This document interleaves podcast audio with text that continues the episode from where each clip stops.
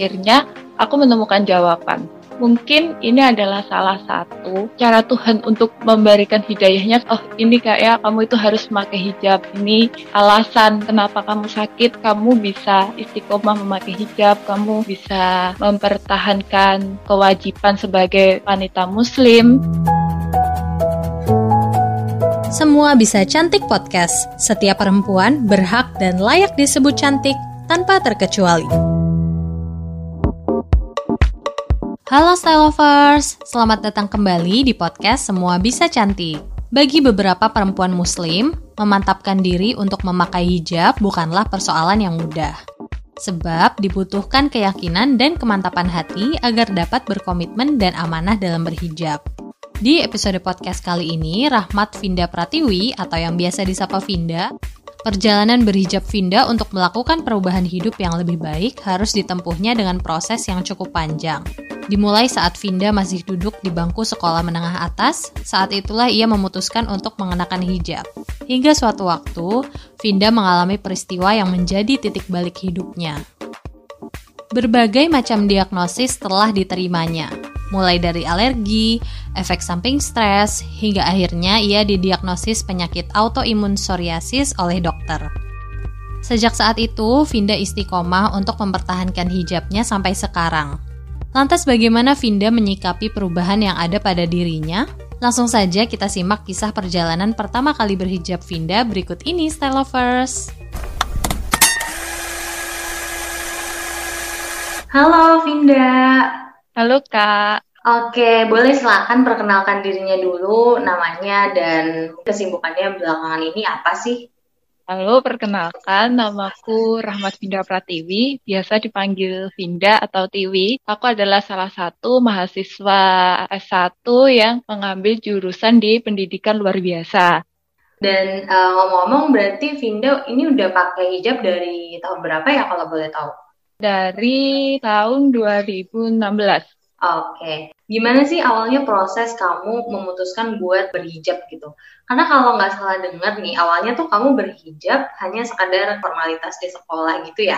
Iya kak, bener banget. Jadi awalnya aku hanya formalitas aja buat di sekolah. Jadi kalau mas keluar-keluar gitu masih nggak pakai hijab. Awalnya karena aku kena salah satu diagnosis autoimun.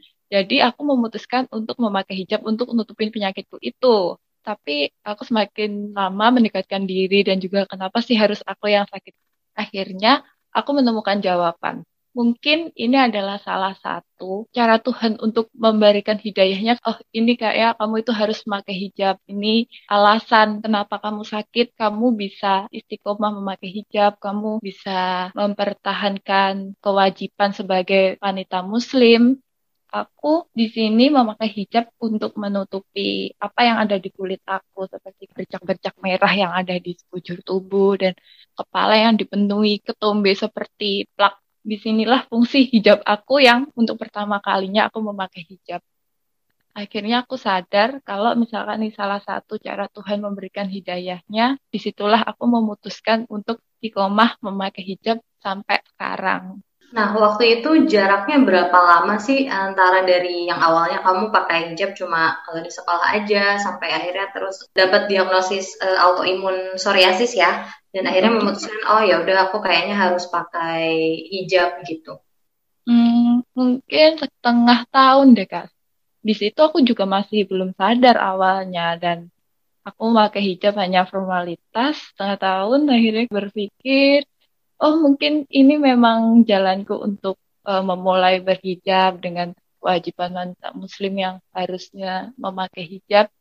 Akhirnya aku perlahan-lahan belajar untuk memakai jilbab dan itu bukan satu hal yang mudah dari akunya dulu gimana. Jadi sekarang pakai hijab itu bener-bener semua orang tuh kaget banget sih. Kamu pakai jilbab sekarang? Suatu pertanyaan ada something kayak mereka natap aku tuh kaget banget kayak gitu emang bener-bener aku sendiri pun nggak nyangka akhirnya aku bisa memakai hijab dan istiqomah sampai sekarang. Oke, nah selain alasan karena didiagnosis uh, autoimun itu, apakah ada alasan lain kamu memutuskan untuk berhijab? Atau memang satu-satunya alasan ya udah itu aja, nggak ada alasan lain di belakangnya. Mungkin alasan-alasan yang lebih spiritual atau mungkin dari orang tua gitu, uh, ada nggak sih? Ada sih kak sebenarnya. Sebenarnya dari ibu itu nyuruh aku pakai jilbab itu udah dari SMP. Tapi karena akunya belum tergerak, jadi aku ya nggak pernah pakai jilbab sekalipun kayak ada acara-acara misalkan yang agak formal gitu nggak pernah pakai jilbab. Aku pakai jilbab itu cuma kalau misalkan ada acara yang keagamaan aja. Bener-bener itu. Acara buat acara lain aku nggak pernah pakai hijab sama sekali. Aku pakai pakaian yang mungkin terbuka kayak gitu. Dan akhirnya aku disadarkan oleh waktu aku SMK itu aku terdiagnosis penyakit autoimun. Baik, jadi eh, dengan adanya penyakit atau kondisi kesehatan itu nggak selalu tanda buruk atau dianggap sebagai musibah, tapi juga bisa menjadi hidayah atau panggilan gitu ya? Mm-mm, iya benar kak. Jadi aku di situ mencoba mencari hikmah di balik cobaan yang Tuhan kasih ke aku dan alhamdulillah aku nemu hikmahnya. Tapi di balik aku nemu hikmah itu juga nggak segampang kayak orang lihat kayak gitu. Banyak banget yang harus aku perjuangin dan hal-hal yang mungkin belum pernah aku kepikiran sebelumnya itu yang aku lakuin. Oke, apakah ketika itu setelah uh, akhirnya memutuskan menggunakan hijab, ada nggak perubahan signifikan gitu?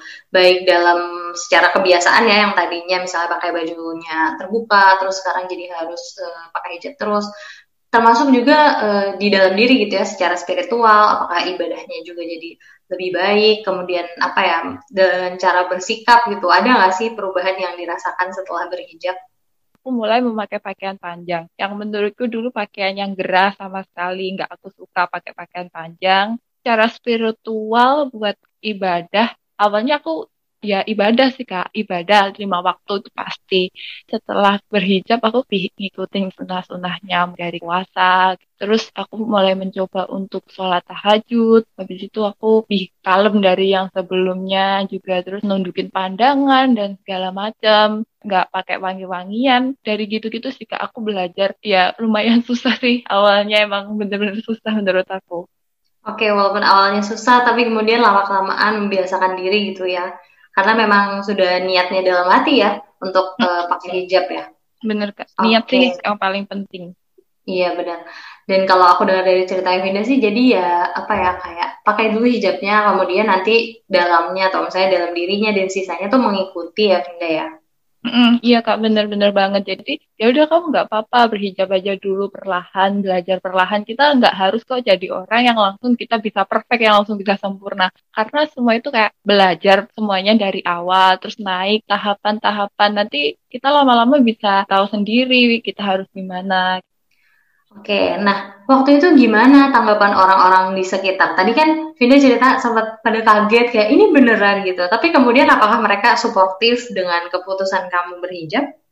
Iya sih kak, kayak awalnya mereka itu sangat kaget, nggak percaya aja gitu apa yang uh, aku pakai, yang aku kenain kayak gitu tapi akhirnya mereka tuh uh, mendukung aku ya. Alhamdulillah ya akhirnya kamu sekarang udah pakai hijab tuh. Mereka juga membantu dalam segala hal mulai aku beli-beli baju dan perlengkapan yang harusnya dipakai oleh wanita muslim kayak gitu. Dan emang semuanya aku dari awal jadi yang harusnya suka pakai celana pendek awalnya dulu gitu sekarang pakai celana panjang apalagi celananya nggak nggak boleh pakai yang ketat kayak gitu. Terus pakai baju panjang juga jilbabnya itu yang paling apa sih yang paling susah sih buat aku pertama kali belajar dan harus menyesuaikan banget sih di jilbab kayak gitu. Oke deh, wah bagus banget ya berarti Vinda karena lingkungan sekitarnya juga nggak cuma suportif dalam kata-kata aja gitu, tapi juga actionnya ada ya benar-benar membantu gitu ya. Nah setelah itu, setelah mungkin di awal-awal ya, awal-awal memakai hijab, apakah pernah merasa insecure waktu mulai berhijab uh, misalnya insecure karena aku tuh cocok nggak ya ben misalnya bentuk wajah aku cocok nggak ya pakai hijab? Atau mungkin uh, juga kayak aduh aku tuh kan banyak ya pindah pandangan orang bahwa orang kalau udah pakai hijab tuh berarti harus benar terus ibadahnya harus bagus terus. Sementara sebagai manusia kita kan pasti ada prosesnya ya nggak bisa kayak yang tadi Vinda bilang nggak bisa instan gitu. Hmm. nggak bisa langsung gitu. Nah apakah dalam proses itu pernah mengalami rasa insecure baik secara fisik maupun dalam batin gitu? Pasti sih kak pasti. Rasa insecure itu selalu kayak mengikuti. Awalnya cantik nggak kalau aku nggak pakai hijab dan itu pun ada. Teman aku yang ngomong, eh kamu cantik kan kalau misalnya kamu nggak pakai hijab loh kayak gini gini gini. Mereka bilangnya gitu. Dan juga aku insecure juga kayak atas penyakit aku yang aku derita saat ini dan itu aku ngerasa setiap ada orang yang mandang aku pakai jilbab waktu itu aku ngerasa mereka itu nelanjangin aku jadi mereka itu melihat apa yang ada di balik hijab yang aku kenain kayak gitu aku ngerasa kayak mereka itu ngelihat penyakitku kayak misalkan bercak-bercak merahku, ketombeku dan segala macam kayak gitu. Dan aku mengatasinya dengan aku bilang gini, nggak apa-apa kan baru mencoba belajar perlahan, pasti bisa kok ketika orang pertama kali belajar kan pasti banyak kurangnya. Demikian aku. Jadi nggak apa-apa itu hal yang wajar ketika pertama kali orang mencoba sesuatu hal yang baru, pasti mereka akan memulai dari awal dan itu nggak mudah kayak gitu. Jadi aku semangatin diri aku dengan kata-kata itu. Walaupun orang-orang kayak ada yang mandang, ih kok gini, oh kok gitu, tapi aku tetap nggak apa-apa, nggak usah didengerin. Yang penting kamu berusaha yang dalam hati itu udah cukup sih nanti kamu bisa ngatasin itu semua. Nah, waktu di awal itu kan sempat ada rasa insecure juga terhadap penampilan. Nah, gimana nih Kak setelah sekian tahun memakai hijab, apakah sekarang udah punya gaya berhijab atau gaya berpakaiannya seperti ini gitu? Ada sih Kak, aku lebih suka gaya hijab yang simple, jilbabnya yang dililit ke leher kayak gitu, atau pakai kardigan, pakai kaos oversize, pakai kemeja-kemeja ketika di acara formal kayak gitu. Terus aku celananya pakai celana kain. Aku jarang banget yang gunain celana jeans karena aku kurang suka. Dan aku paling suka kalau misalkan aku pakai celana kain dan juga aku pakai kaos oversize sih kayak gitu pakai hoodie pakai crew neck kayak gitu sih aku lebih suka yang kayak gitu btw aku di sini nggak suka pakai rok ya jadi aku suka pakai tunik yang biasanya sampai sedengkul gitu terus aku pakai celana kain. Udah gitu aja sih kayak aku lebih ya suka yang simpel-simpel nggak bisa kayak pakai pakaian bener-bener cewek banget pakai rok kayak gitu aku nggak bisa. Dan aku pernah mau jatuh itu karena aku pakai rok. Pengalaman ya Aswin ya? Iya kak. Iya bener banget, aku nggak bisa pakai rok. Nah, di awal tadi kamu kan sempat ada apa eh, omongan-omongan dari orang, misalnya kayak tadi yang bilang kamu cantik kan nggak pakai hijab gitu, dan ada penyesuaian-penyesuaian yang sempat bikin kamu gak nyaman kan, kayak misalnya gerah gitu. Tapi gimana sih caranya uh, kamu tetap istiqomah memakai hijab? Kalau aku dengan membiarkan omongan mereka, kalau ada sisi baiknya aku dengerin, kalau enggak ya enggak menurut aku jangan putus asa sih, tetap semangat. Di awal tuh pasti susah menyesuaikan diri dalam memakainya, namun perlahan nanti pasti bisa kok menyesuaikan pakai jilbab. Menurut aku pakai jilbab tuh bukanlah akhir dari segalanya, kamu terhenti segala mimpi-mimpimu, enggak, tapi dari awal baru kamu memulai suatu hal yang baik. Dan ini kewajiban oleh perempuan muslim juga. Dan yang paling penting tuh niat dalam diri itu adalah awal dari segalanya sih. Kalau misalkan kamu udah niat dari dalam diri kamu, apa pun deh yang orang katain, apa pun yang kamu dapetin ketika kamu pakai hijab tuh gak akan berpengaruh dengan pendirian kamu kayak gitu. Jadi ketika kamu memakai hijab tuh bukan suatu penghalang untuk kamu terus maju dan untuk sukses menggapai semua mimpi kamu. Oke, wah bagus banget Vinda. Aku juga setuju banget sih kayak tadi yang kamu sebut uh, jangan ragu pakai hijab karena takut nanti setelah pakai hijab nanti aku nggak bisa apa pakai baju uh, modis lagi misalnya kayak gitu ya. Atau mungkin nanti setelah pakai hijab nanti misalnya mukanya kelihatan cabai atau mungkin orang-orang uh, pendapatnya gimana nggak usah pusingin tentang pendapat orang kayak gitu ya. Mm, bener kak, bener. Soalnya orang tuh hanya tahu kita tuh dari luarnya aja nggak tahu apa yang kita perjuangin dan segala macam jadi ya udah iyain aja kayak gitu nggak usah dengerin hal-hal yang negatif membuat diri kamu down dan bikin insecure kayak gitu sih Oke, nah terakhir nih ada nggak tips dari kamu buat teman-teman yang udah atau mungkin baru mau berhijab biar itu tadi mereka bisa tetap tampil percaya diri dengan menggunakan hijab?